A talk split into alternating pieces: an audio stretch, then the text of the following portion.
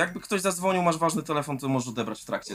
My nie mamy z tym problemu. Nie, nie mam ważnych telefonów aż tak. Produkcja przynęt wędkarskich teraz to jest nasza przyszłość. Ten real hip-hop to ja też w cudzysłów biorę mocno. Nie odpisuję na Tinderze Spoko, nie ma problemu. w trakcie rozmowy.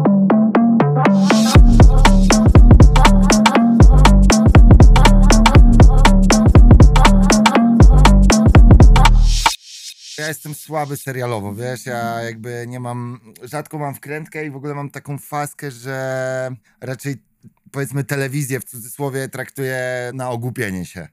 Więc Okej, oglądam głupie okej. rzeczy. Jakby rzadko mam tak, że się jakby wkręcam w coś A co e, oglądasz? Jak już oglądasz? poważnego. Znaczy, pomijając już, że w ogóle jakby sam na chacie to w ogóle nie oglądam teraz, bo nie mam w ogóle jakby możliwości takich. Okej. W sensie nie mam. Znaczy mam komputer, ale on jakby jest tylko, żebym sobie posłał muzyki czasem, a nie ma tam internetu. No w ogóle dużo by to tłumaczyć. Nie, nieistotne, ale no to oglądam głupoty, wiesz, jakby jak byłem jeszcze ze swoją dziewczyną, to i oglądaliśmy, bo mieliśmy wszystkie powiedzmy te narzędzia do tego, to nie wiem, ja sobie oglądałem Flasha, Arrowa, jakieś takie, wiesz, z nią oglądałem, Boże, jakiś Love Island, czy inne gówno, wiesz, dla mnie to jest jakby, no, no, no, bo dla mnie to jest po prostu na zasadzie, wiesz, wracam sobie po dniu pracy, zrobię sobie drinka i sobie coś leci, nie? I Rozumiem. jak wyjdę na, na papierosa albo pójdę do sklepu i wrócę, to nic się nie dzieje, jakby, że to dalej leci. Okej, Więc okej, jakby okej. mało obejrzałem takich seriali, co ludzie się turbo jarają, że są super, bo temu trzeba poświęcić czas, a ja po prostu wolę nie. Wolisz go raczej- spożytkować inaczej. Tak, jeżeli już, to inaczej. Wolę, jakby już, jeżeli miałem się w coś wkręcać, to wolę filmy, jakby jeżeli Mhm, to jest film, mhm, mhm, mhm. realnie. Bo Czyli zamknięty tak, format, tak? Tak, tak, jest mi wygodniej. Chociaż też nie mówię, pewnie obejrzałem jakieś spoko seriale, ale nie mam aż takiej wkrętki, nie? Ja też często zasypiam i oglądam rzeczy na raty, więc potem się gubię. Jak jest jakiś taki turbo wkręcony serial, że tam w ogóle wiesz, to po prostu potem się cofnąć do miejsca, w którym co. Nie, no w ogóle dla mnie za duża zamotka. A tak to najchętniej jak coś oglądam, to oglądam i słucham wywiadów, bo lubię po prostu. Okej, Wywiadów, okej. podcastów mniej, chociaż ostatnio zacząłem trochę, takich w sensie niewywiadowych, nie? Tylko Mhm, takich, że mhm. se tam ziomek siedzi i coś pierdoli po prostu oczy, na temat jakiś. Ja. To trochę mniej, ale, ale trochę zacząłem. Ale lubię, no lubię wywiady i to bardziej mnie interesuje, albo jakieś takie ciekawostki czy coś tam, nie? No tak, no to jest taka super forma na to, żeby gdzieś tam, wiesz, też posłuchać, co inni ciekawi ludzie mają do powiedzenia, też dowiedzieć się o jakichś przestrzeniach życia i świata, czy twórczości, o których można nie mieć pojęcia na To przykład. nie? prawda, To jest... to prawda. Bardzo podróżnicze są wywiady, że tak powiem, takie podróżniczo-społeczne, o może w Mhm. ten sposób. Dobra, słuchaj, my tak nigdy nie zaczynamy, tak wiesz, bang, więc Mhm. tak naprawdę nasza rozmowa już trwa i sobie leci, Okej, żeby super. nie było wątpliwości. Ale ja tak formalno-prawnie przywitam naszych słuchaczy Jasne. w Dyskaście. Ja nazywam się Mateusz Dudek-Jędrys i bardzo serdecznie witam w Dyskaście, co już drugi raz powtórzyłem. Pewnie powtórzę to jeszcze nie raz w trakcie tej rozmowy. No i naszym gościem jest kto? Nasi goście zawsze się sami przedstawiają, więc bardzo proszę. Okej, nazywam się Adaś, ziomale mówią do mnie łysy głównie, ale jakby sygnuję się ksywą Mada, pochodzę ze składu WCK, jestem tekściarzem, raperem, aktywistą kulturowym, jeżeli chodzi o hip-hop, zdecydowanie się czuję i chciałbym być jeszcze bardziej. No i co, zwykłym człowiekiem po prostu, który se żyje na tej planecie. Jo, W miarę okej. dobrze stara się Okej, żyć. okej. To jak życie na tej planecie, panie Adasiu Wel, Łysy Welmado? Kurde, różnie, zależy od dnia, wiadomo, w sensie jakby w kratkę zazwyczaj, ale no ja to jestem taki, staram się być wyluzowany, w sensie na przykład mam taką kwestię na pewno, że mało na mnie działa czynników zewnętrznych, takich, które się jakby gdzieś w trakcie swojego życia się wyluzowałem mocno. I jakby nie, nie, nie mam tak, że jakieś takie głosy, które do mnie dochodzą, jakieś informacje i tak dalej, że to wpływa na mnie bezpośrednio, raczej nie, więc myślę, że w stosunku do wielu ludzi, którzy są podatni na to, to ja żyję sobie luźno, ale mam osobiste jakby takie wewnętrzne kwestie, które gdzieś tam może bardziej na mnie wpływają i wtedy może mniej luźno, ale to nie widać tego tak na zewnątrz, nie? Więc, Kumam, e, kumam. więc tak. Więc Co, dobrze słuchaj, raczej. a ty, ty się zdefiniowałbyś jako w jakimś sensie antysystemowiec, kontrsystemowiec, outsider, parias? Odnajdujesz Mm. sobie jakieś takie cechy? Wiesz co, trochę na pewno, nie wiem czy ja też mam trochę tak, że ja nie do końca lubię definicje, więc właśnie jakby, więc, Kumam, mhm. więc jakby zadajesz to pytanie, to ja bym od razu stanął w kontrze do tych definicji, nie, nikim z tych osób nie jestem, ale też y, nawet nie nazwałbym się antysystemowy, jeżeli by ktoś bardzo chciał, to bardziej asystemowy, Mhm. bo też jakby nie działam jakoś bardzo przeciwko, ale raczej poza, staram się, jeżeli mogę, bo uważam, że się da po prostu. Mhm. Na jakichś płaszczyznach, wiadomo, że nie na wszystkich, każdy potrafi na swoich i odnajduje tak drogę, jeśli chce, żeby być gdzieś tam w których miejscach poza systemem, ale może trochę tak, ale też nie poświęcam temu aż tyle czasu. W sensie jakby nie, nie wstaję rano i nie myślę, jak tutaj uciec. Wiesz o co Mhm, chodzi? mhm, mhm. Tylko jak mi przyjdzie jakaś możliwość, która mi się podoba i nie wiem, jest dla mnie ciekawa, to, to wtedy okej, wchodzę w to, ale nie, nie tak, że za, zaprząta mi to czas, wiesz, i jakieś tam moje ruchy, że nie zrobię nic, co jest systemowe. To też jakby pomijając już pójście do sklepu, wiadomo, ale że to jest niemożliwe, żeby być tak jakby totalnie poza systemem, chociaż pewnie ludzie są jacyś. To po prostu jakby tak też na luźno do tego podchodzę. Nie mam problemu z tym, że ktoś żyje sobie w systemie, jeżeli jest mu dobrze. Wydaje mi się, że po czasie okaże się, że nie jest mu do końca dobrze i że to też się ludziom do końca nie podoba. No ale nie spędza mi to snu z powiek w ten sposób, nie? Ale jakby tak, jeżeli mogę, to coś tam sobie robię jakby poza systemowo i staram sobie tak układać życie, żeby właśnie czuć się dobrze w swojej sytuacji jakiejś tam, nie? To jest ciekawe, nie, że kultura hip-hop, Mhm. która wywodzi się z jakiegoś takiego buntu i antysystemowości, czy kontrsystemowości, jakby zmieniła jakby ten bezwład tej kultury Mhm. teraz jakby rozciągnął się w jakimś takim kierunku, to wahadło jest już na takim poziomie, że tak powiem, no tak jak ktoś kiedyś powiedział, że rap jest dzisiaj nowym popem, nie? Że to się bardzo zmieniło też jakby Jasne. i też raperzy się zmienili bardzo mocno, chociaż wy WCK raczej jesteście taką ekipą, pojedynczo czy kolektywnie, raczej taką hołdującą tą takim starym klimatom hip-hopowym, tym takim korzeniom, że tak powiem. Wiesz co, głównie, znaczy nam, jeżeli chodzi o to hołdowanie, no to też bardziej myślę, że w opcji myśli, nie? Mhm. Jakby nie jak muzyka brzmi, czy Tak, tak, tak. To, to jakieś jest takie rzeczy, wiadomo, to, że to są to różnie każdy tam po Mhm. swojemu, Mhm. ale jeżeli chodzi o jakąś tam myśl, chociaż to też jest takie głupie, bo wiesz, jeżeli by patrzeć, że to wyszło ze Stanów, to tam ta myśl, już jakby biorąc pod uwagę, nie wiem, załóżmy, że już tak bardzo w cudzysłowie, że nie wiem, najbardziej kochamy złotą erę w Stanach, czyli tam lata 90. powiedzmy, no to, to tam już tej myśli też nie było za wiele, wiesz o co chodzi, w sensie jedni byli w niej, inni nie byli, no wiesz, ciężko na to patrzeć, więc też taki ten real hip-hop to ja też w cudzysłów biorę mocno, jeżeli chodzi w ogóle o całą kulturę, bo to, bo no bo to się tak nie da do końca, nie? Po prostu, jak na to spojrzysz. Ale tak, no lubię to takie podejście, jakby powiedzmy korzenne. Lubię jakby drugi obieg uważam za bardziej wartościowy niż pierwszy od dawna i to nie tylko w Polsce. Więc jakby, no tam po prostu, po prostu jest taki moment, że jakby wydaje mi się, że ludzie, którzy nie zajmują się tym mainstreamowo, skupiają się na muzyce, w sensie na brzmieniu tego, jak chcą to zrobić i przez to to po prostu jest ciekawsze. Nie mam tak, że jakby słucham też rzeczy powiedzmy z mainstreamu i wychodzą naprawdę świetne płyty czasem, które mnie przyciągają, zostaję z nimi na dłużej, mają coś wartościowego dla mnie, ale jednak jakby ostatecznie gdzieś tam w tym takim korze jest więcej, więcej podejścia jakby takiego muzycznego, tego, że coś chcesz osiągnąć dla siebie samego artystycznie, że w tę stronę się rozwijasz, a nie jakby rozwijasz się w stronę powiedzmy finansową, czy zdobywania jakichś, nie wiem, iluzorycznych szczytów sukcesu, czy jak sobie kto tam nazwie. I przez to to jest po prostu lepsze, bo, bo ktoś ci mówi to, co chce ci powiedzieć, i ty możesz nie chcieć tego słuchać i to jest ekstra, e, a nie powie ci to, co chcesz usłyszeć, nie? I to jest Mhm, jakby ta różnica i da się ją zauważyć na jakichś tam, wiesz, przykładach, e, płaszczyznach, no nie wchodząc głębiej po prostu, więc dlatego mnie to bardziej jara, bo ja też lubię sobie robić muzykę taką, jak akurat mam ochotę, jak lubię, a nie zastanawiać się, Czuć to. wiesz, jak to potem wrzucić i wypromować, no jakby dla mnie bez sensu, ale rozumiem, że ludzie jakby z tego żyją, też mają rodziny, nie wiem, dom, jakby wiesz,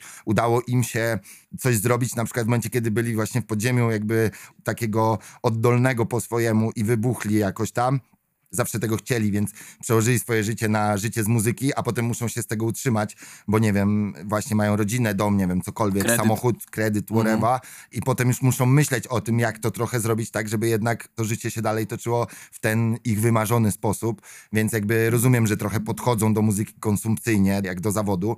No ja ostatecznie też z tego jakieś tam pieniądze mam czasem, nie wiem, jadę, gram koncert, jakieś tam pieniądze wpadną, nie oddaję ich, wiesz, na biedne psy, bo potrzebuję sam ich, Jasne. nie? W sensie wiadomo, że czasem coś tam gdzieś oddam, komuś pomogę, ale jakby bez, bez większej wczutki, ale no też jakby biorę je do kieszeni i nie wiem, kupuję sobie za to śniadanie, czy wiesz, idę na obiad, czy nie wiem, cokolwiek innego, zapłacę rachunki też z tych pieniędzy, więc jakby też podchodzę do tego fajnie, jak przyjdą ludzie na koncert i będę miał z tego hajs, no. O, To jest oczywista Mhm. sprawa, więc no. Ale finansowe pobudki nie determinują tego, co robię, nie? Jeżeli się nie uda, to i tak będę dalej sobie to robił.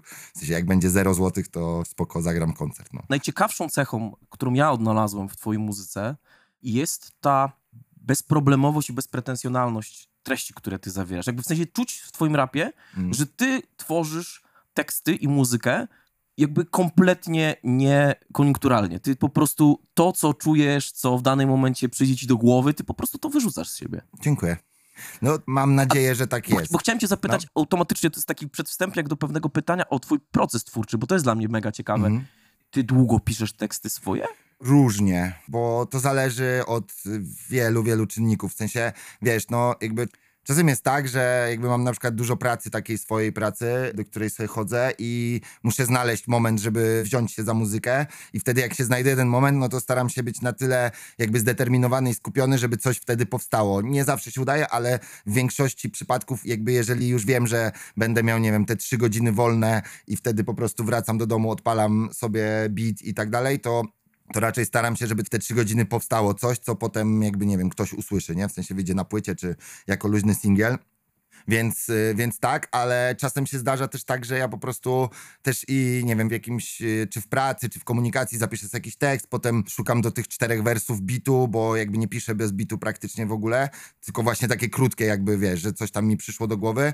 No i, i zdarza się tak, że czasem piszę też tekst na raty, bo mam tak mało czasu, że wiesz, że tu już coś wymyśliłem, coś mi przyjdzie dalej do głowy, gdzieś znowu zapiszę, wrócę do tego i potem dopiero jak już mam te trzy godziny wolnego, to na przykład siadam do tego i kończę, nie? Więc wiesz, no ale też nie mam problemu z pisaniem na powiedzmy takim w cudzysłowie kolanie, w sensie, że jak sobie robimy muzykę, że umawiamy się w studio i mamy trzy godziny, to też raczej nie zdarzy się, żebym wyszedł bez nagranego, wiesz, że mi nic nie przyjdzie, nie? Więc też jestem w stanie zrobić taki powiedzmy freestyle, A ty jak masz, to ma, ludzie nazywają. masz jakąś w głowie selekcję tematyki, którą. Bo ja ci powiem, bo ja mam takie wrażenie, że ty jesteś takim typem człowieka, e, Mhm. rapera, że tobie przychodzi pomysł do głowy i bach. Bo jakby rozstrzał tematyczny, idąc jakby przez twoją twórczość, a Mhm. masz dosyć płodnym, jesteś artystą, wydałeś trochę albumów, wydałeś trochę singli, jest tego sporo. Czy to w ramach współpracy z wspomnianym tutaj szerokim WCK, czy z innymi artystami, Mhm. narobiłeś się, chłopie. I wiesz, i po prostu jakby tematyki, które to jest w ogóle, wiesz, całe spektrum. Seks, y, używki, Mhm. nuda, praca, wiesz, po To prostu jakby można w twojej twórczości odnaleźć tak naprawdę odniesienia do wszystkich podstawowych zagadnień funkcjonowania człowieka, czy też społeczeństwa. Mhm. I zastanawiam się po prostu, czy ty dokonujesz jakiejś selekcji, czy to jest tak, że po prostu przychodzi ci coś do głowy, jeb, piszę tekst po prostu, bo taki mam vibe. Raczej jest tak, jak mówisz, w sensie, że właśnie po prostu jakby Mhm. jak coś mi przyjdzie do głowy, to piszę. Czasem jest też tak, że wymyślam właśnie jakieś wersje i wcale jeszcze nie wiem, o czym będę pisał do końca, a potem się to jakby klaruje, bo nie wiem, na przykład te wersy zostają refrenem i mówią o czymś i jakby skupiają tą oś utworu na sobie, więc wtedy zwrotki wychodzą z tego refrenu i tam, nie wiem, odnoszą się do niego w jakiś sposób. Ale też jest czasem tak, że mam w głowie jakiś pomysł, nie wiem, coś mnie zainspiruje, nie wiem, książka, jakiś... Yy, zdarzenie w moim życiu i wtedy jakby bardziej mam faskę, że próbuję wymyślić na kanwie tego zdarzenia jakby utwór i to wtedy trochę trwa dłużej, bo myślę jakby jak to zrobić, żeby to było dla mnie ciekawe i jakoś inaczej, żeby dokładnie powiedzieć to, o co mi chodziło, Mhm. więc wtedy to nie jest taki po prostu zlew myśli, tylko, tylko czasem mi się zdarza rozkminiać mocniej, nie jakby jak to zrobić, ale ogólnie tak, głównie raczej jakby po prostu mam pomysł i, i go spisuję, nie?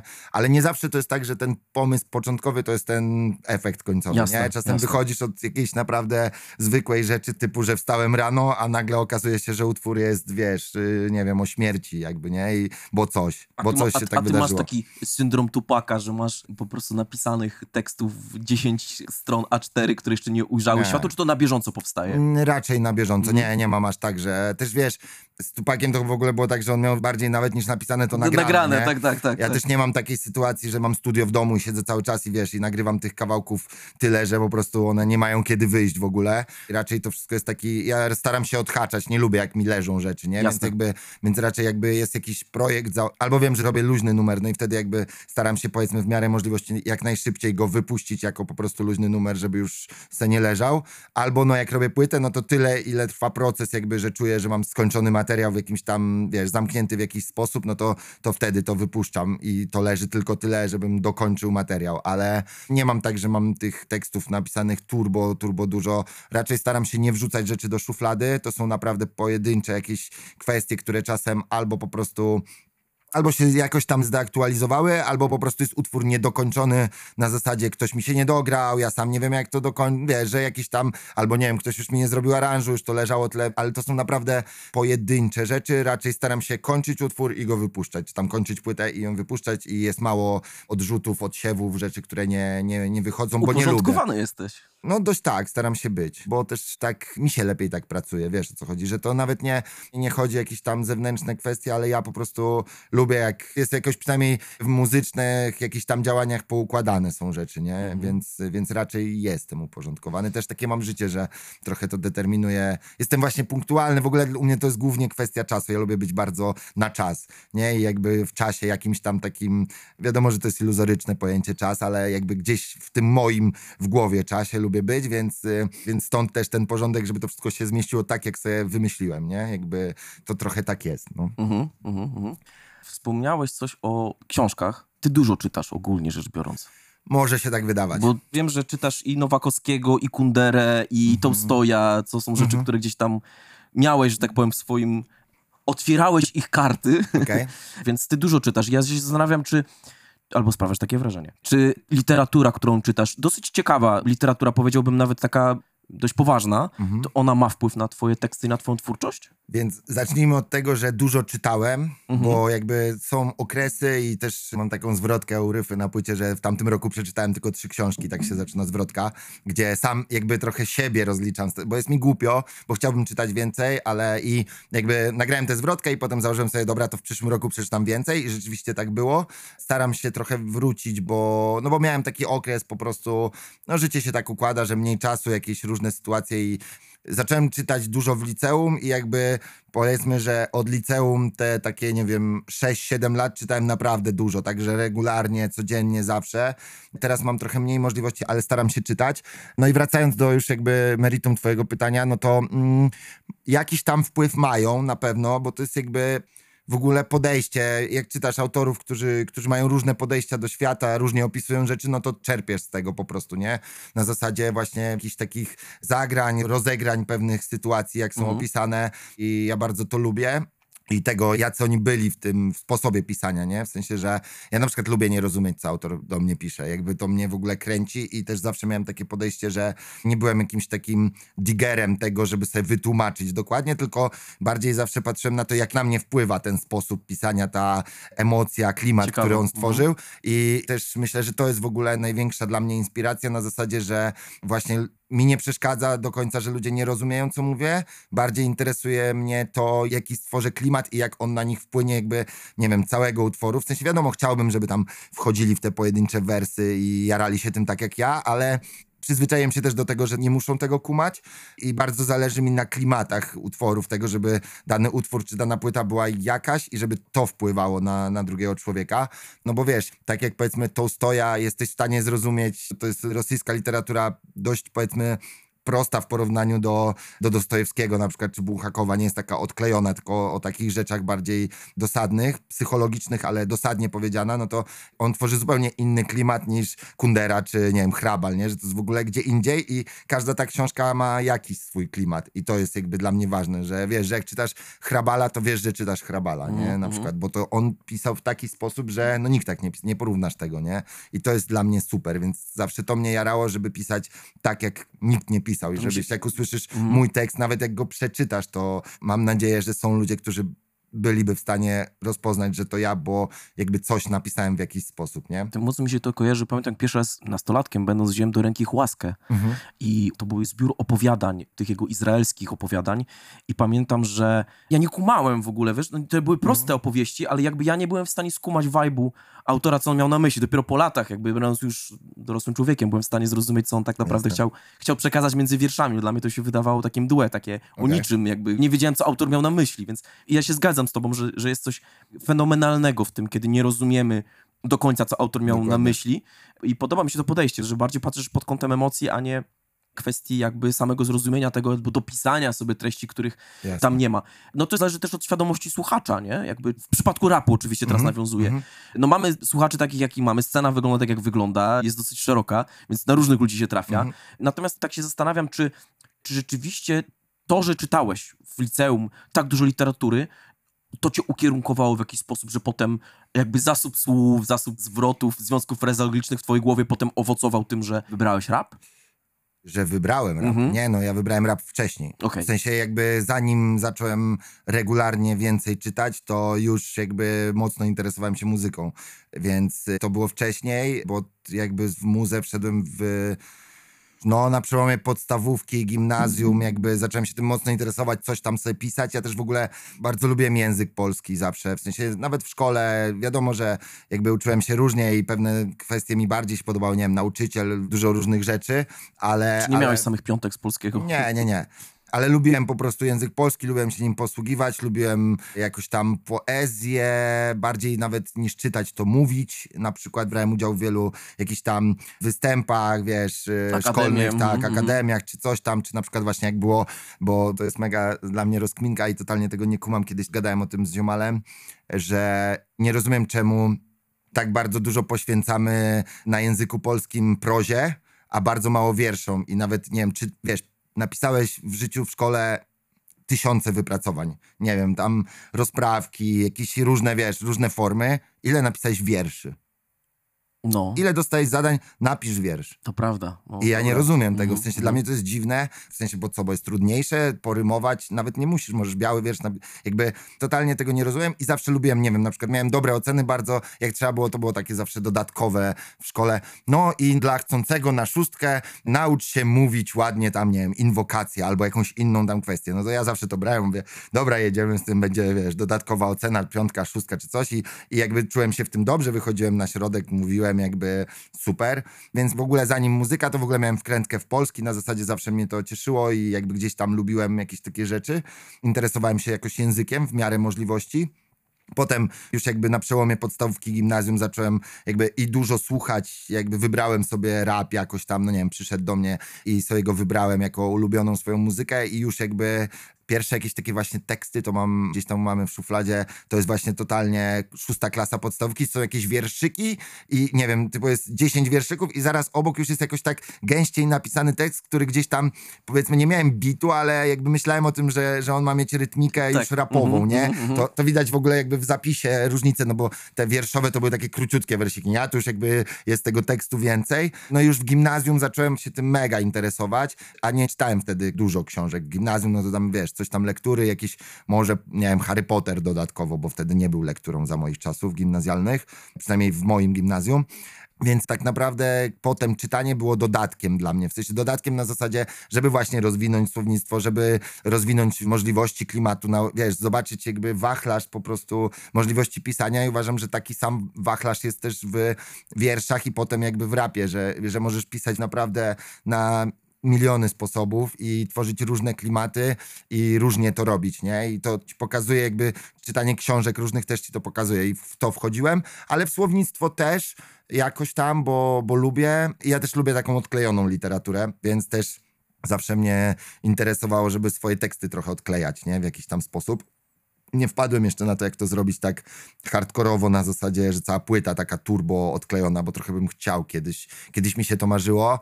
Powiedzmy, że Alchemia Słowa może jest najbliżej taką płytą, która gdzieś tam próbowałem w ogóle z drugiej strony trochę podejść do, do swojego sposobu pisania, ale tak uważam, że nie udało to się tak w 100%.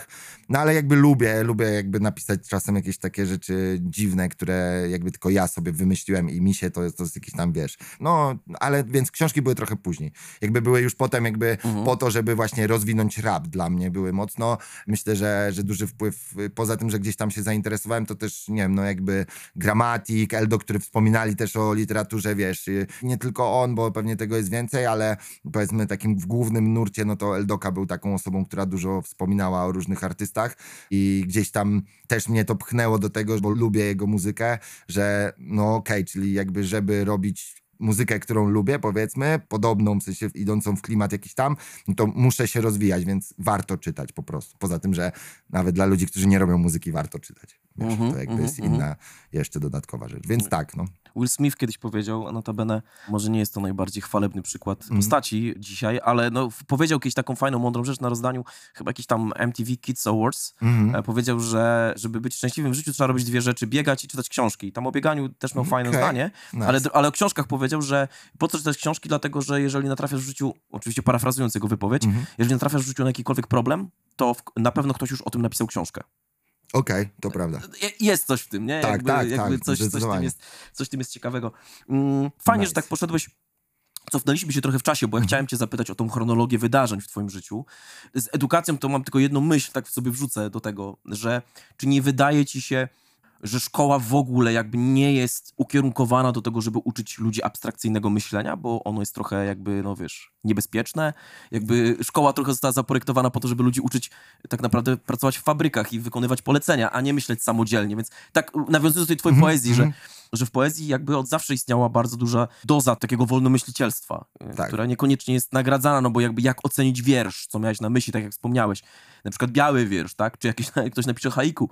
E, Dokładnie. To jest bardzo intymne twoje, więc jakby tak mi się wydaje, a z drugiej strony potrafi być bardzo niepokorne w tym, co jest napisane, więc tak mi się wydaje, nie? że może to mieć jakiś związek. Mam nadzieję, że edukacja się trochę zmienia, że jakby wiesz, no w ogóle jakby świat się trochę zmienia, nasz kraj też w jakimś stopniu, więc y, wiadomo, że teraz się dzieją różne rzeczy tam polityczne i tak dalej, ale myślę, że jakby pomijając już y, jakiś tam model edukacji, to ludzie sami tego chcą po Mhm. prostu, w sensie nawet młodzi rozumieją, że są bardziej otwarci jakby abstrakcyjni i jakby oni tego chcą, więc nawet niezależnie trochę od systemu będą do tego dążyć, plus musimy brać pod uwagę to, że system jest systemem, ale nauczyciele są coraz młodsi, w sensie przychodzą młodzi ludzie, którzy są, nie wiem, no jakby ja już mógłbym być nauczycielem, wiesz o co chodzi, moja siostra jest nauczycielką plastyki na przykład, więc też przynoszą nową myśl i myślę, że to będzie się trochę otwierać, ale zgadzam się, no edukacja, wiesz, nie jest po to, żeby myśleć abstrakcyjnie, z drugiej strony masz dużo dodatkowych zajęć, możesz, jakby tego jest naprawdę pełno, jeżeli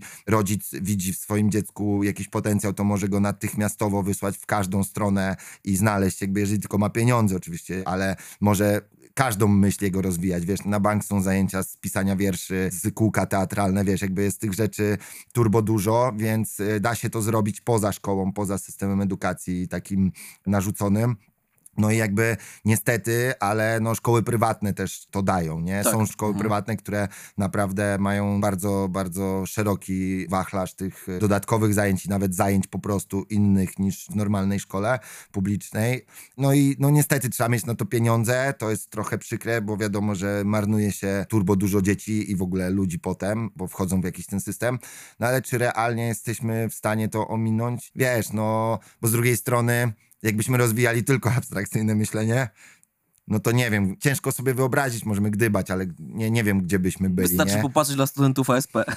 Na przykład, ale, ale to wiadomo, ale to też wiesz, na tej zasadzie wracając, wracając oczywiście, wracając do jakiejś tam rozkminki, to czy ja bym robił tyle muzyki i byłbym tak zorganizowany, gdyby nie coś, czego się gdzieś tam nauczyłem, nie wiem, w szkole, potem w pracy, wiesz, przychodzenia rano do szkoły, różnych jakichś takich mechanizmów, no to każdy z tego wyciąga coś tam po swojemu, no wiadomo, że ktoś zostanie stłamszony i mógł być, nie wiem, potencjalnie jakimś niesamowitym artystą albo naukowcem, technik, cokolwiek i coś odkryć, a to się nie udało, bo na początku drogi gdzieś go tam zepsuto. Skrócone wzory mnożenia. Dokładnie, ale no ja też nie umiem znaleźć rozwiązania, nie czuję się od tego, wiesz, jakby znalazłem swoje rozwiązanie na to, podaję je w takiej formie, w jakiej umiem najlepiej i jeżeli ktoś chce iść tym modelem, to odradzam, ale miło mi. W sensie odradzam, bo to nie jest rozwiązanie na najlepsze życie na świecie, nie? Jakby moje życie. Więc niech idzie swoim, ale po prostu tak widzę formę przekazywania tego. Ja przekazuję to, co ja zdobyłem wiedzę i sposób na życie w swojej muzyce, czy właśnie w takich rozmowach, różnych, nie wiem, wywiadach, innych tam, jak się ze mną ktoś spotka na koncercie i chce pogadać, to też chętnie, czy w zupełnie innej sytuacji, to coś mu przekażę i jeżeli wyciągnie z tego coś dla siebie.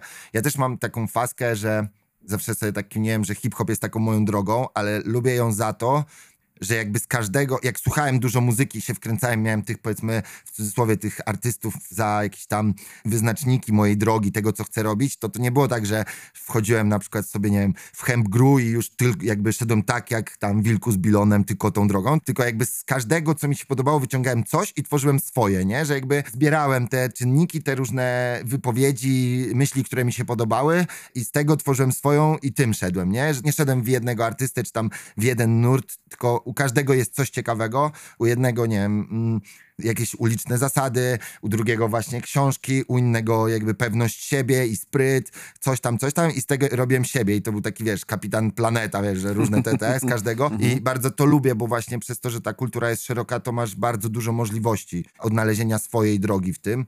No i też tak polecam ludziom, nie, że jeżeli chcą, no to fajnie coś ode mnie, fajnie coś od Ryfy, fajnie coś od kogoś innego i jakby znajdź siebie w tym wszystkim. I super, no wiadomo, że to nie jest proste i każdy ma inny charakter, charakter, no nic, nie, nie jestem w stanie na to poradzić. Nie zostanę ministrem edukacji, nie zmienię teraz szkolnictwa. Myślę, że już jakby pomijając, czy chcę, czy nie chcę, to w ogóle ja to mam tak z końcem życia, w sensie nie widzę sensu zajmować się takimi, nie mam faski na zajmowanie się globalnymi, jakimiś tam szerszymi tematami dla całego społeczeństwa, bo po prostu zaraz umrę i w ogóle co to ma za sens. W sensie, oczywiście to jest jakby skrót myślowy, ale naprawdę tak trochę myślę, że, mhm. że zajmę się tym, co widzę, że mogę, nie? W sensie, okay, że, okay, okay. że zdaję jakiś egzamin. bezpośredni tak, tak dokładnie, mhm. czyli jakby wiesz, wolę w swoim kręgu jakby bliskich ludzi się aktywizować, na zasadzie dawać im coś, niż w cudzysłowie chodzić na manifestacje i walczyć o zmianę czegoś tam Jasne. w Polsce, bo Jasne. uważam, że nie umiem się z tym utożsamić tak jakby stuprocentowo. No to jest takie ciekawe, nie, że ludzie, tak wspomniałeś o tych manifestacjach i tym chodzeniu na wszelkie rodzaje protesty, że to jest takie, ja to kiedyś patrzyłem na to z tej perspektywy, że to jest takie oczyszczające uczucie, że masz wrażenie, że coś zrobiłeś. Tak naprawdę mm gówno zrobiłeś, nic nie zrobiłeś, poszedłeś, pokrzyczałeś. Nie no, nie mów i, tak i... tym ludziom. Niech wierzą, nie, nie, no niech oni sobie wierzą, to dobrze jakby też. To jest spoko, natomiast mm chodzi mi bardziej o kwestię praktyczną. Nie? Mhm. Że poszedłeś, pokrzyczałeś, wróciłeś do domu i co dalej? To Dokładnie. jest pytanie, co dalej z tym zrobiłeś, Dokładnie. nie? Z tą jakby ideą, którą tam wykrzyczałeś, nie? Mhm. No i w większości okazuje się, że to po prostu... No, nie, niewiele. Niewiele, niewiele się zmienia tak naprawdę, biorąc pod uwagę ilość protestów, które mieliśmy przez ostatnią dekadę u nas mhm. w kraju, różnych, różnego rodzaju, no to efekty ich są co najmniej marne. To jeśli prawda. nie powiedzieć, że żadne. Stąd jakby jest moje to, że gówno zrobiłeś, bo de facto zmiany następują tak jak mówisz, nie? To tak jak stara pankowa zasada, myśl globalnie, działaj lokalnie i zmieniaj ten świat wokół siebie, nie? Dokładnie. tam masz wpływ. Dokładnie. I, to jest istotne. To, że mhm. człowiek sobie wyjdzie, pokrzyczy, a potem nie przełoży tego na żadne działanie.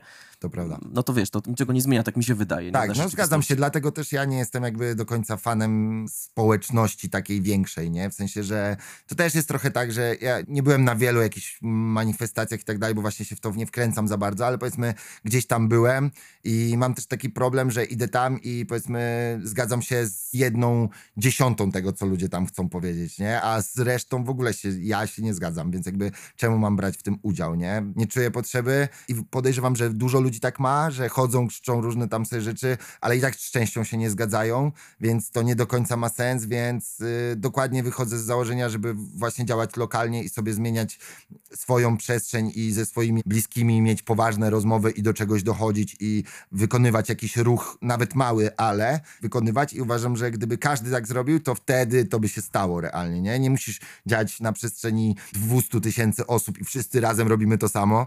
Nie chcecie robić tego samego. To jest jakby moje założenie totalnie. Nie chcecie robić tego samego w 200 tysięcy osób. Bylibyście załamani, jakbyście wszyscy zrobili to samo. Mhm.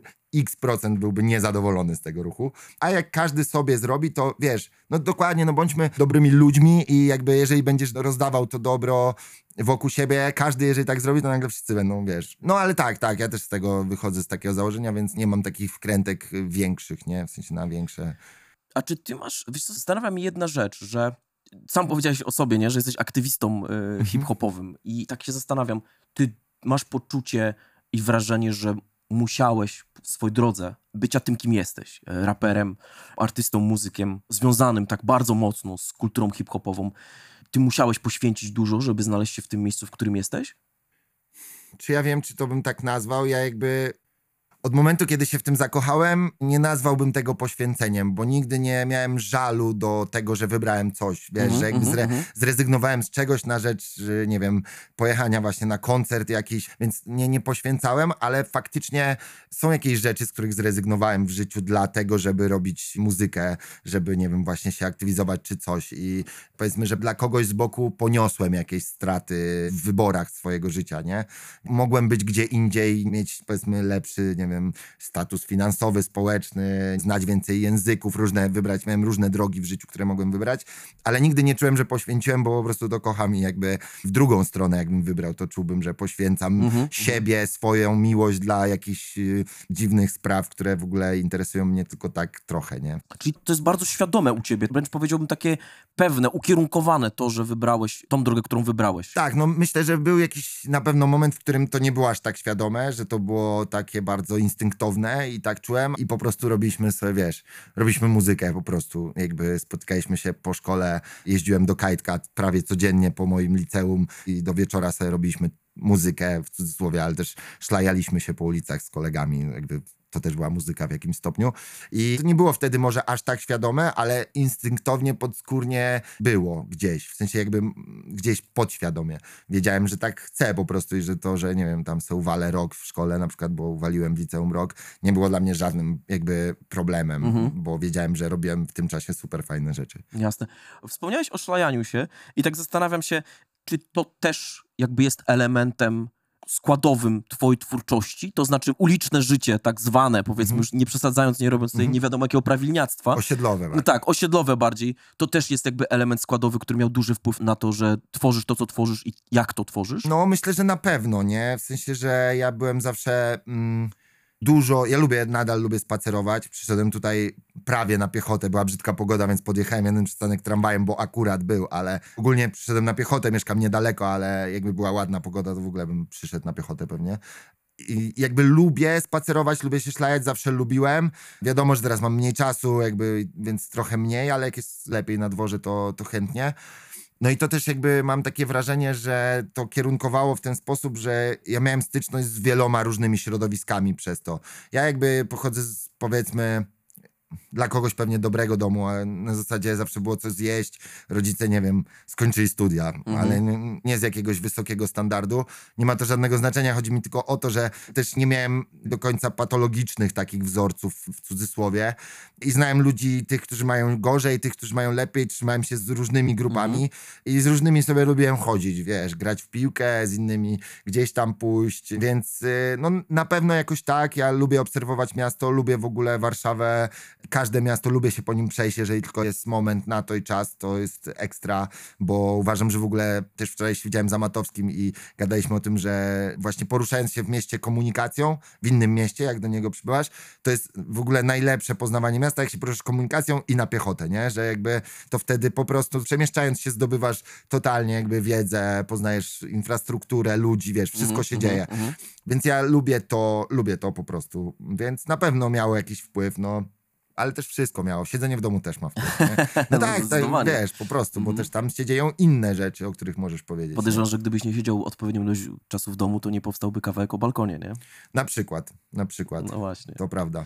A powiedz mi, a jakbyś miał wymienić twoje najwcześniejsze wspomnienie muzyczne, jakby coś, co w jakiś sposób wpłynęło na ciebie, co by to było? Mm, Coś, co wpłynęło. Czasami my jako dzieci mamy jakiś taki utwór, który gdzieś tam, czy, Okej. czy, czy muzyka, która w jakiś sposób wpłynęła na nas. Co jest takim twoim najwcześniejszym doświadczeniem, może nie wspomnieniem, Mhm. doświadczeniem muzycznym, który miało na ciebie jakiś wpływ? Kurde, jest dużo ogólnie. Ja mam dwie siostry starsze i one jakby... Moja mama nie słuchała za dużo muzyki. Leciało jakieś tam radio, ale generalnie nie miała, jakby nigdy się nie wkręciła w żadną konkretny styl. Bardziej tata, ale też nie jakoś tak turbo-turbo. Zresztą nie mieszkaliśmy razem, więc inaczej dostawałem te informacje od ojca. Ale moje siostry, no to już były z tego nurtu jakby takiego, gdzie muzyka dużo, że wchodzisz w to i to już są kultury, wiesz, subkultury, ludzie, środowiska i bardzo dużo słuchały muzyki moje siostry, więc tak naprawdę najwięcej tych początkowych rzeczy to, to były jakieś rzeczy od nich, tak naprawdę więcej od średniej siostry, tej pomiędzy nami, bo mamy bliżej do siebie, a jakby najstarsza siostra, jakiś tam okres mojego dojrzewania też już nie była w domu, więc trochę mniej, ale pamiętam, że, że słuchaliśmy muzyki razem, więc dużo miałem takich naleciałości naleciałości tego, co one słuchały, nie? Tego, co po prostu było. Ciężko mi wybrać jakiś taki jeden numer. Mogę powiedzieć takie ze śmiesznych wspomnień z właśnie, jak zacząłem się wkręcać Dawaj. w muzykę, jak Mhm. pamiętam, to mieliśmy, mamy nadal w ogóle, on jest nadal u mojej mamy takiego jamnika, że na dwie kasety, że mogłeś, wiesz, przegrywać z kasety na kasetę i dzięki temu też mogłeś zgrywać z radia na kasetę. Tak. I ja pamiętam, że jak byłem, to myślę, że to jest jakaś końcówka podstawówki, nie wiem, może piąta, szósta klasa, nie pamiętam dokładnie. Myślę, że bardziej piąta. I robiłem sobie składanki z radia, różnych rzeczy, które leciały wtedy w radio. No i składanka się opierała na takich rzeczach, że, że miałeś tam tak. Jakiś Eminem był, ale był też Bon Jovi, Marilyn Manson, Ali Babki. I wiesz, że to taki hardkorowy w ogóle zestaw, no nic z tego się nie da wyciągnąć. Mam takie wspomnienie, że właśnie zgrywam z radia, że siedzę w domu, nie wiem, coś tam robię i słyszę, że coś leci, co mi się podoba i ta kaseta tam czeka tylko na ten moment, więc jak, jak wchodzi numer, co lubię, to włączam, nie? I tam, wiesz, nie ma, nie ma wody na pustyni, a potem I don't like the drugs, but drugs, i nic z tego No nie tak, wiesz. tak, tak. Jakby, I to jest takie moje pierwsze wspomnienie, że robiłem sobie takie składanki jeszcze na, na kasetach z naprawdę dziwnych, dziwnych zestawów utworów, naprawdę szalonych, nie? To chyba taka jest pierwsza rzecz. No i na pewno, jeżeli chodzi już o sam hip-hop, no to takie pierwsze rzeczy, no to moja siostra mi przyniosła do przegrania, też już przegrywaną oczywiście kasetę paktofoniki. To, to była taka kaseta, którą zabrałem ze sobą na wyjazd, włożyłem do Walkmana i całą drogę słuchałem jej w kółko. Wiesz, dwie i pół godziny jechania gdzieś tam na jakieś kolonie, to w kółko ta kaseta leciała, bo po prostu totalnie się zajarałem. Pierwszą kasetą, którą poprosiłem, żeby mi kupiono tak świadomie, że chciałem hip-hopową, to był Eminem Show, a potem Peja na legalu. Jak moja mama mi kupiła, chyba mama na jakieś święta czy urodziny Peję na legalu, no to naprawdę pluła sobie w brodę przez bity rok, jak nie dłużej, że jakby kupiła mi tę kasetę, bo to leciało naprawdę w kółko. Znam naprawdę prawie na pamięć nadal tę kasetę, I uwielbiam. mama pewnie też. I nie, no po prostu nienawidziła siebie, po prostu jakby jak mogłam ci to kupić w ogóle, nie? Jak możesz tego słuchać? I to był taki przeskok na zasadzie, wcześniej słuchałem bajki Herkules na kasecie jakby w kółko i potem jakby wszedłem w peję, nie? No zwariowała, totalnie była na siebie zła. I to są takie pierwsze, pierwsze jakby kasety, które pamiętam, że, że chciałem, że świadomie chciałem mieć i je dostałem. Ty dzisiaj Więc- kolekcjonujesz płyty, nie? Ty sporą, sporą masz kolekcję płyt. Nie wiem, no jak myślę o różnych ludziach, których znam, no to nie mam sporej, ale znam też takich, co mają mniej. Wiesz, dzisiaj Wiadomo. przy tej cyfryzacji to raczej tak zbieranie płyt to już jest taka... Wiesz, to, to jest tak jak kiedyś winyle, nie? Znaczy, oczywiście do dzisiaj Mhm. ludzie zbierają winyle, jest to bardzo popularne hobby, natomiast y, jest to pewien rodzaj jakiegoś takiego specyficznego wyboru przechowywania muzyki. Mhm. A masz w swojej kolekcji jakąś taką płytę, z której, nie wiem, najbardziej się cieszysz, albo która jest dla ciebie najcenniejszą? Jest jakiś taki, wiesz, y, biały kruk na twojej ścianie? Kurde, wiesz co, no dla każdego biały kruk jest inny, ale... Ale dla ciebie indywidualnie. Wiem, wiem, zastanawiam się... Nie, no nie wiem, ciężko mi to ocenić, Mhm. bo ja tak po prostu bardzo... Ja się z każdej płyty, wiesz, jakby... Jasne. Mhm. Jest tak dużo płyt, których nie mam, a chciałbym mieć. No to I się. że oczywiście mam turbo dużo ważnych płyt, które chciałem mieć i gdzieś tam na nie polowałem i w różnych momentach życia udało mi się je zdobyć w różny sposób, ale nie wiem, czy jest jakaś taka niesamowita, która mi teraz przychodzi do głowy. Wiesz co, mogę powiedzieć trochę z innej strony. Mhm. Od jakiegoś czasu zainteresowałem się francuskim rapem i teraz jakby w dużej mierze skupiam się, żeby zdobywać płyty z Francji jakoś tam. W różny sposób. No i jest taki, ma, moja siostra mieszkała we Francji, więc jeździ tam raz do roku sobie na powiedzmy wakacje, spotkać się z przyjaciółmi i tak dalej. No i zawsze jej wypisuje, co ma mi przywieźć ona mi część tych płyt przywozi i załatwia. Dobra więc, siostra. y, kochana, tak. Więc trochę mam tak, że te francuskie teraz, które jakby y, dostaję, to są takie, że super się cieszę, bo nie jest łatwo w Polsce to ogarnąć, wiesz, albo musisz to sprowadzić z tej Francji, co ja nie jestem fanem wydawania jakichś kosmicznych sum też na płyty, nie? Jakby raczej staram się znajdować coś, co albo jest w spoko cenie, albo właśnie jak kupuję jakąś droższą, no to wtedy kupuję dwie, nie? nie? Ale ja lubię tak jakby nakupować sobie płyt, więc mam trochę problem z tym sprowadzaniem z Francji i szukaniem też tego tam, szczególnie też, że część tych płyt to są też stare płyty z Francji, które jak wiemy w Polsce niektóre stare płyty kosztują bardzo dużo pieniędzy, to teraz we Francji tym bardziej, nie? Mhm. Że to tak jak kiedyś teraz wyszła reedycja jakiś tam czas temu, ale chciałeś kupić Ace'a, gdzie jest Ace, no to wiesz, 600-800 złotych to kosztowało zanim wyszła reedycja. Ja. No więc no nie jest tak prosto, ale te z Francji ostatnio są dla mnie ważne, więc super się cieszę, bo w ogóle zajarałem się francuskim rapem przez taką płytę Nepal Adios Bahama i moja siostra mi ją przywiozła z Francji. To nie jest jakaś turbo trudno dostępna płyta, bo to jest tam z 2019 czy 2020 roku, więc Ona była dostępna po prostu w sklepie, ale super się cieszę, że mogę mieć to, od czego jakby zaczęła się moja przygoda, jakby naprawdę wszedłem w tę płytę i razem z moją siorką w nią weszliśmy na maksa, więc y, mega się cieszyłem, że ją mam. Cieszę się, że mam prawie całą dyskografię Jay-Z, bo bardzo lubię, więc naprawdę mam prawie wszystko, nie mam płyty z Beyoncé i płyty z Kanye Westem, ale to jakby też traktuję trochę inaczej. Mhm, I chyba jednego, bo tam była taka akcja, że wyszedł Blueprint 2, potem Blueprint 2.1, coś jakby tam był jakiś dodatek do tego. To jednej z tych nie mam chyba, ale ogólnie mam całą, więc mega się cieszę, bo lubię i słucham i jakby Jay jest ekstra dla mnie, więc starałem się zebrać wszystko i też z różnych miejsc gdzieś tam to skupowałem. Jestem turbo fanem Bigela, więc mam jego dwie oficjalne płyty. Też po latach udało mi się zdobyć e, płytę DITC, która też nie, nie jest e, jakoś, nie była w jakimś tam okresie łatwa, potem się nagle okazało, że jest i można, więc ją kupiłem. Mam też jakieś mixtape'y z nim tam związane, nie wszystkie, bo tam są In Memory of Bigel, tam są trzy części, to mam jedną tylko, ale no to też są zbiory utworów, które są na tamtych płytach, plus jakichś tam luźnych, więc e, jak kimś się mega jaram, no to staram się jakby spróbować mieć wszystko, co, co mnie interesuje. I też mam tak, że właśnie wchodzę w jakąś płytę i ją staram się zdobyć, nie? Na przykład drugi Fat Joe, którym się turbo jaram, to jest płyta, którą mam i, i super. E, mam prawie wszystkie Redmany, te starsze, bo tam potem wyszły jakieś nowsze, to już tak mniej się wkręcałem, ale te takie typowo funky, oldschoolowe jego rzeczy, bo, bo też bardzo lubię. No jest tego naprawdę sporo, ale z takich rzeczy, które są powiedzmy białymi krokami, dużo kosztują, no to mam pierwszy problem. Epkę C30, C39, którą po prostu e, w ogóle Nieźle. Mhm. dostałem jak wyszła. y, Miałem taką możliwość, tam w jakimś chyba konkursie, bo się zajerałem i teraz to kosztuje jakieś, wiesz, horrendalne sumy ta mhm. płyta, a ja mam ją po prostu na półce i od w pierwszym jakby strzale ją, ją trafiłem. Mam też Arbrut jedynkę, mam VNM na szlaku Poczek, to też jest płyta, która sporo kosztuje. No tak, tak, tak. tak. E, no więc mam jakieś takie rzeczy, ale czy one jakby spoko, turbo lubię pierwszy problem, w ogóle lubię, najbardziej to jest moja ulubiona ich płyta, ta epka, no ale czy to jest dla mnie aż taki biały kruk, no nie wiem, dla mnie wiesz, Jay-Z jest lepszym. No, No, mimo, że, mimo, że się. Reasonable Dat możesz sobie kupić po prostu i nie kosztuje jakichś takich sum jak problem, bo wyszło tego dużo więcej i tak dalej. No ale dla mnie to jest no, lepsza płyta po prostu. Mhm. Nie ujmując jakby Oscarowi i Steve'owi, no zupełnie ciężko porównać w ogóle, wiesz, stylówę nawet. E, ale no, no po prostu. No i więc- wpływ, nie? Na całą kulturę. To jest no tak, ale też rozumiem, że dla kogoś w Polsce problem może mieć dużo większy wpływ na kulturę i na niego niż jakiś Jay, wiesz, jakiś tam Za ziomal wielkiej wody. z Mhm. Brooklynu, którego w życiu nie widzieli na oczy, nie?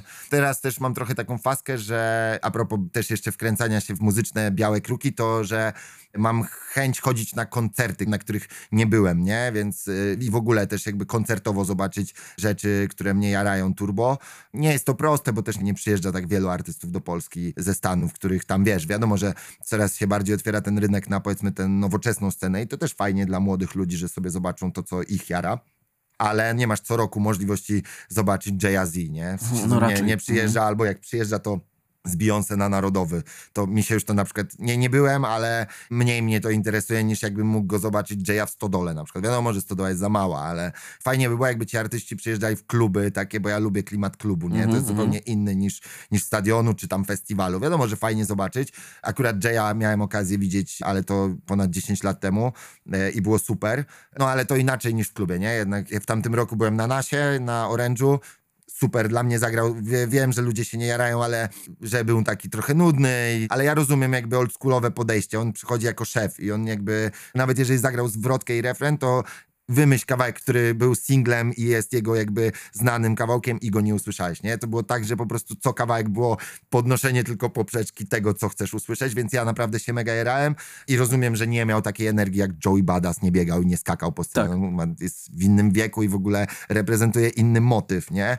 Ale turbo bardziej bym zobaczył go w Stodole na przykład, nie? Albo w ogóle w jakimś jeszcze mniejszym klubie, gdzie tam jest taki turbo Bardziej- ścisk zadymiony, Mhm, wiesz, intymnie, ka- jasne. kapie Mhm. z sufitu, wiesz, tam po prostu dusisz się od tych gibonów i wiesz, wychodzi nas w kapturze i po prostu tam mówi z z zamkniętymi oczami swoją historię Mhm, życia, mhm, nie? mhm. To zupełnie inne przeżycie na innym poziomie, ale no staram się, jeżeli mogę, to jakoś zobaczyć artystę, którego nie widziałem jeszcze, nie? Nie mam dużo możliwości, ale jak jest opcja, to staram się. No i to też są takie dla mnie jakieś tam powiedzmy białe kruki, ale w wydarzeniach, nie? Że Wydarzeniach, jestem w mhm. stanie gdzieś tam być na czymś koncercie, bo super. Okej, Mada, Mhm. Bardzo ładnie nas poprowadziłeś przez historię e, swoich zajawek, swojego życia i swojej wkrętki w hip-hop i w Mhm. muzykę. Dzięki. Bardzo to było wszystko spójne, bym powiedział. Spójnym człowiekiem, to jest ciekawe. Jakby to jest takie poukładane to jest u ciebie, Mhm. tak jak powiedzieliśmy sobie na początku. Ale to też ty poprowadziłeś, dobrze wiesz. Staramy się tutaj, wiesz, wyjść naprzeciw naszym gościom. Jeszcze mam pytanie na koniec, ja lubię zadawać takie pytania z dupy. E, Okej. Zabrakło ich w tym wywiadzie, bo byłeś bardzo merytoryczny. Psy czy koty? Koty. Zdecydowanie. Mam kota, jestem kociarzem. Kocham wszystkie psy. Okej, Ekstra, okej. ale bo psa też miałem, ale koty. Koty, jednak, okej, okej, Team dobra. kot. No tak, właśnie tak po twoim Instagramie widziałem, że tam jakiś kocur się pojawiał, dlatego postanowiłem o to zagaić. Także może na koniec jeszcze jedno pytanie. Jezu, już kończymy? Co naprawdę? na dziś dzień, niestety, no, czas antenowy nam się kończy, ale jeszcze jedno takie malutkie pytanie na koniec. Co na dziś dzień jest twoim największym muzycznym marzeniem? Jest coś takiego? Hmm. Nie wiem, jak bardzo abstrakcyjni chcemy być w tej odpowiedzi. E, Dowolnie. Wiesz, bo ja też jakby mogę sobie marzyć, mogę sobie wymyślić naprawdę dużo różnych dziwnych rzeczy. Tym dla mnie się różni trochę ambicja od marzenia, nie? Że ambicja to jest coś, do czego dążysz, bo wiesz, że się spełni. Marzenie wcale nie musi się spełniać, może być po prostu. Mhm. Rozdzielę to na dwa, żeby było Jasne. łatwiej. Powiedzmy, że moim marzeniem byłoby zobaczyć na żywo Bigela i Janis Joplin. Możemy sobie pójść w takie, w takie Okej, coś. okej, okej. E, To jest moje marzenie, a jeszcze zrobić z nimi numer to w ogóle. Najlepiej razem, ale to by była turbo akcja. To by było też turbo dziwne. A jeżeli chodzi o takie ambicje, to dużo myślę o tym, żeby rozwinąć się muzycznie, więc y, ciężko mi przychodzi zorganizowanie się do tego, bo mimo, że wydaje się zorganizowany, to pewnych rzeczy nie umiem sobie zorganizować, więc chciałbym nauczyć się śpiewać kiedyś, na pewno, a przynajmniej lepiej, przynajmniej rozwinąć jakby myśl w ogóle, rozumienie, rozumienie swojego głosu i używania go w stosunku do instrumentów, to na pewno. Mam nadzieję, że kiedyś przyjdzie moment, że po prostu pójdę na takie lekcje i zacznę to robić. To jest jedna rzecz. No to sensowne nawet w karierze muzycznej. Tak, w ogóle no, uważam, że ludzie, którzy to potrafią, są dużo lepsi też w rapowaniu. W sensie, wiesz, nawet patrząc po ryfie, która poszła i nauczyła się, no to to, co teraz może robić ze swoją muzyką, jest dużo bardziej wartościowe muzycznie niż to, co ja mogę, nie? W sensie, jakby, jeżeli miałbym to tak czysto technicznie Mhm, porównywać. mhm, jasne. to, to na pewno kiedyś przynajmniej chociaż trochę nauczyć się śpiewać i rozumieć swój głos i to, jak się nim posługiwać. I z innych trochę, ale też hip-hopowych zajawek, to zawsze mnie ciągnęło i jeżeli tylko będę miał kiedyś czas y, też temu poświęcić, to chętnie bym się nauczył graffiti. Serio. W sensie Okej. chętnie bym Mhm. więcej malował i doszedł do poziomu, w którym umiem używać sprayu po prostu. Okej. Wiesz, tak, że jakby Mhm. nie, że to, co ewentualnie bym wrzucił gdzieś na ścianę obok ziomala, który robi to wiele lat, nie musiałbym się wstydzić. Żeby nie być tojem. No tak, tak. Ja też nie robię tego w ogóle prawie. Więc kiedyś bym chciał, ale rozumiem, że trzeba temu poświęcić czas, nie? Że to trzeba regularnie chodzić i zawsze jakby ostatecznie się kończy na tym, że ja wybieram robienie sobie rapu, nie? A nie jakby pójście z kimś nawet na legalną ściankę po prostu, żeby Mhm, się mhm. nauczyć i coś zrobić.